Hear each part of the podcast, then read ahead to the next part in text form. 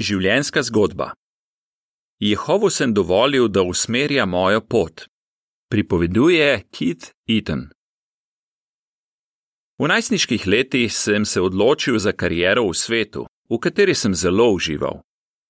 Ampak Jehova me je povabil na drugačno življenjsko pot. Bilo je tako, kot bi mi rekel: Dal ti bom uvid in te usmeril na pravo pot. Psalm 32:8. Ker sem dovolil Jehovu, da usmerja mojo pot, je bilo moje življenje polno lepih priložnosti in blagoslovov. Med drugim sem lahko 52 let služil v Afriki. Iz Anglije v Afriko. Rodil sem se leta 1935 v Angliji, v mestu Darrelston, ki leži v regiji Black Country. Ime je dobila po črnem dimu, ki se je dvigoval iz številnih livaren in drugih tovaren. Ko sem bil star približno štiri leta, sta moja starša začela preučevati svetopismo z Jehovovimi pričami. V zgodnih najstniških letih sem se prepričal, da je to resnica in se leta 1952 pri 16 krstil. Približno v tistem času sem začel delati kot pripravnik v veliki tovarni, ki je izdelovala ročno orodje in dele za motorna vozila. Usposabljati so me začeli za zelo pomembno mesto v podjetju in v delu sem res užival. Takrat sem se znašel pred pomembno odločitvijo. Potujoči nadzornik me je prosil, da bi v svoji domači občini Willenhall na shodu med tednom vodil občinsko preučevanje knjige. Pred mano je bila težka odločitev, saj sem shode obiskoval v dveh občinah. Med tednom sem bil na shodih v občini Bromsgrove, ki je bila najbližje moji službi in je bila kakšnih 32 km oddaljena od doma. Čez vikend pa sem bil doma pri starših zato sem na shode šel v občino Willenhall. Ker sem želel podpreti Jehovo organizacijo, sem naredil to, kar me je prosil potujoči nadzornik. Zato sem pustil službo, čeprav sem jo imel zelo rad. To, da sem ob tej priložnosti Jehovu dovolil, da usmeri mojo pot, mi je odprlo vrata v življenje, ki ga nisem nikoli obžaloval. Ko sem še obiskoval občino Bromsgrove, sem spoznal en, simpatično in duhovno sestro. Poročila sva se leta 1957 in skupaj na različne načine služila Jehovu. Bila sva redna pionirja, posebna pionirja, sodelovala sva v potojočem delu in služila v Betelu. En mi že vse življenje prinaša veliko veselja. Leta 1966 sva bila navdušena, da sva lahko obiskala 42. razred šole Gilad. Dodeljena sva bila v Malavi, ki je znan tudi kot toplo srce Afrike, saj so ljudje tam tako ljubeči in gostoljubni. Toda nisva si mislila, da ne bova dobrodošla prav dolgo. Služenje v Malaviju med dramatičnimi dogodki. V Malavi sva prispela 1. februarja 1967. Po enem mesecu intenzivnega učenja jezika sva pričela z območnim delom. Vozila sva terensko vozilo Kaiser Jeep, za katerega so ljudje mislili, da gre povsod, tudi čez reke.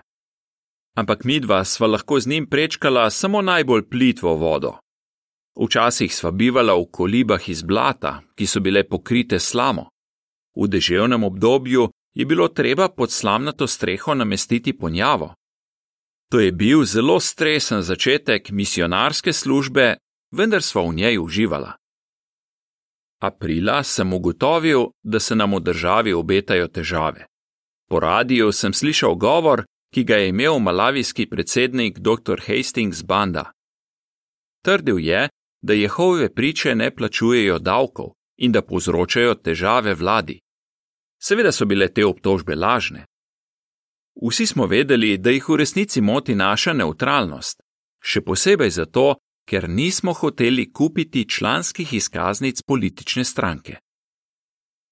Septembra smo lahko v časopisih že brali, da nas je predsednik obtožil, da povsod delamo težave. Na političnem zborovanju je objavil, da bo njegova vlada hitro upoštevala predlog, da se prepove Jehovove priče. Prepoved je začela veljati 20. oktober 1967. Kmalo zatem so policisti in uradniki za priseljence prišli v podružnični urad, ga zaprli in misionarje izgnali iz države. Po treh dneh v zaporu so naj jo deportirali na Maurici, ki je bil pod britansko oblastjo. Vendar nama tamkajšnje oblasti niso dovolile, da ostaneva kot misionarja, zato sva bila dodeljena v Rodezijo, zdaj Zimbabve. Ob prihodu nama sovražno nastrojen uradnik za priseljence ni dovolil vstopa v državo. Rekel nama je: Izgnana sta bila iz Malavija. Niso vama dovolili ostati na Mauriciju in zdaj sta tukaj, ker nimata izbire. En je začela jokati. Zdelo se je, da naj jo nihče noče. Takrat bi se najraje kar vrnil nazaj domov v Anglijo. Na zadnje nam je urad za priseljence dovolil, da prenočiva v Betelu pod pogojem, da se naslednji dan zglasiva na njihovem glavnem uradu. Bila sva izčrpana, vendar sva stvari prepustila v Jehovove roke. Še pred popoldnevom naslednjega dne sva nepričakovano dobila dovoljenje, da kot obiskovalca ostaneva v Zimbabveju. Nikoli ne bom pozabil, kako sem se tisti dan počutil. Prepričan sem bil, da je Jehova usmerjal najno pot. Nova dodelitev: skrb za Malavi iz Zimbabveja. V podružničnem uradu v Zimbabveju sem delal v službenem oddelku in skrbel za Malavi in Mozambik. Bratje in sestre v Malaviju so doživljali hudo preganjanje. Del mojega dela je bilo tudi to, da sem prevajal poročila, ki so jih iz Malavija pošiljali okrajni nadzorniki. Ko sem nekega večera delal pozno, da bi končal poročilo, sem se razjokal zaradi vsega nasilja, ki so ga doživljali moji soverniki. Obenem pa so me zelo spodbudile njihova zvestoba, vera in ustrajnost. Delali smo vse, kar smo lahko, da bi bratje in sestre, ki so ostali v Malaviju, in tisti, ki so pred nasiljem pobegnili v Mozambik, dobivali duhovno hrano. Prevajalski tim za čečevščino, ki je najbolj razširjen jezik v Malaviju, se je preselil na veliko kmetijo nekega brata v Zimbabveju. Brat je bil tako prijazen, da je za nje zgradil domove in pisarno. Tam so še naprej upravljali zelo pomembno delo in sicer prevajanje svetopisemske literature. Uredili smo, da so okrajni nadzorniki iz Malavija vsako leto lahko prišli v Zimbabve in obiskali območno zborovanje v Čičevščini. Tam so dobili očrte zborovalnih govorov. V Malaviju so na to izkoristili vsako priložnost, da so s temi govori spodbujali sovernike. Nekega leta, ko so ti pogumni okrajni nadzorniki prišli v Zimbabve, smo za nje organizirali kraljestveno strežbeno šolo, da bi jih spodbudili. Februarja 1975 sem obiskal priče iz Malavija, ki so zbežale v begunska taborišča v Mozambiku. Ti bratje in sestre so bili v koraku z Jehovovo organizacijo. Upoštevali so tudi novo ureditev, da mora v občini biti starešinstvo. Novi starešine so organizirali številne duhovne dejavnosti, naprimer javne govore, pregledovanje dnevnega stavka, preučevanje stražnega stolpa in celo zbore. Poskrbeli so, da so bili v taboriščih, podobno kot na zborovanjih, oddelki za čiščenje, varnost in razdeljevanje hrane. Ti zvesti bratje so z Jehovovim blagoslovom dosegli res veliko in ne morem vam povedati, kako spodbojen sem bil po tem obisku. Proti koncu 1970-ih let je za Malavi začela skrbeti podružnica v Zambiji. Vseeno sem, tako kot mnogi drugi, pogosto razmišljal o bratih in sestrah v Malaviju in molil za nje. Kot član podružničnega odbora v Zimbabveju sem se večkrat sestal s predstavniki svetovnega središča in odgovornimi brati iz Malavija, Južne Afrike in Zambije. Vsakič smo se pogovarjali o istem vprašanju: kaj še lahko naredimo za brate in sestre v Malaviju? Sčasoma se je preganjanje pomirilo. Soverniki, ki so pobegnili iz Malavija, so se počasi vračali nazaj.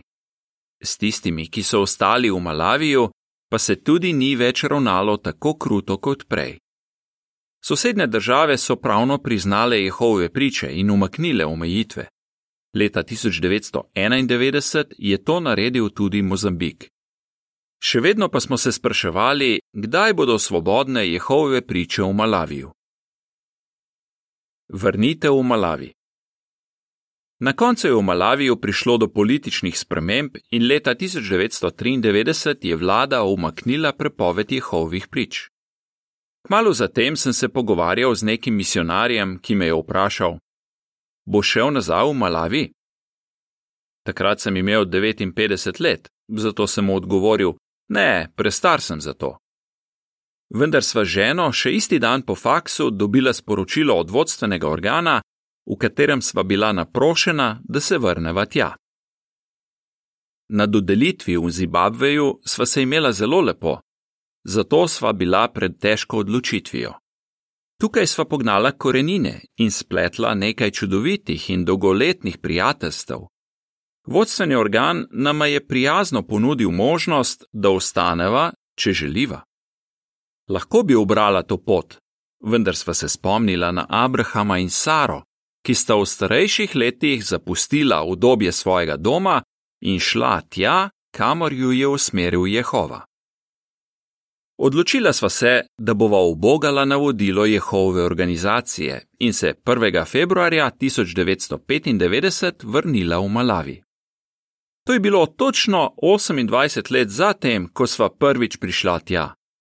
Ustanovljen je bil podružnični odbor, v katerem smo bili jaz in še dva druga brata. Lotili smo se dela in ponovno organizirali dejavnosti Jehovih prič v državi. Jehova pospeši rast. Velik blagoslov je bilo videti, kako je Jehova pospešil rast. Število oznanjevalcev je z okoli 30 tisoč leta 1993 poskočilo na več kot 42 tisoč leta 1998. Vodstveni organ je odobril načrte za gradnjo novega podružničnega urada, ki bi skrbel za vse večje potrebe na področju. Kupili smo 12 hektarjev veliko zemljišče v mestu Lilongwe in bil sem dodeljen v odbor za gradnjo. Maja 2001 je imel brat Guy Pierce iz vodstvenega organa posvetitveni govor za nove podružnične prostore. Dogodek je obiskalo več kot 2000 lokalnih prič. Večina od njih je bila krščena že več kot 40 let. Ti zvesti bratje in sestre so pod prepovedjo prestali leta nepopisnega trpljenja.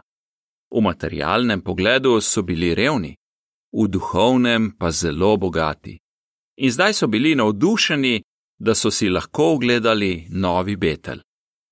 Povsod po Betelu so v afriškem stilu prepevali kraljestvene pesmi, zato je bil cel dogodek nekaj najbolj ganljivega, kar sem kdaj doživel.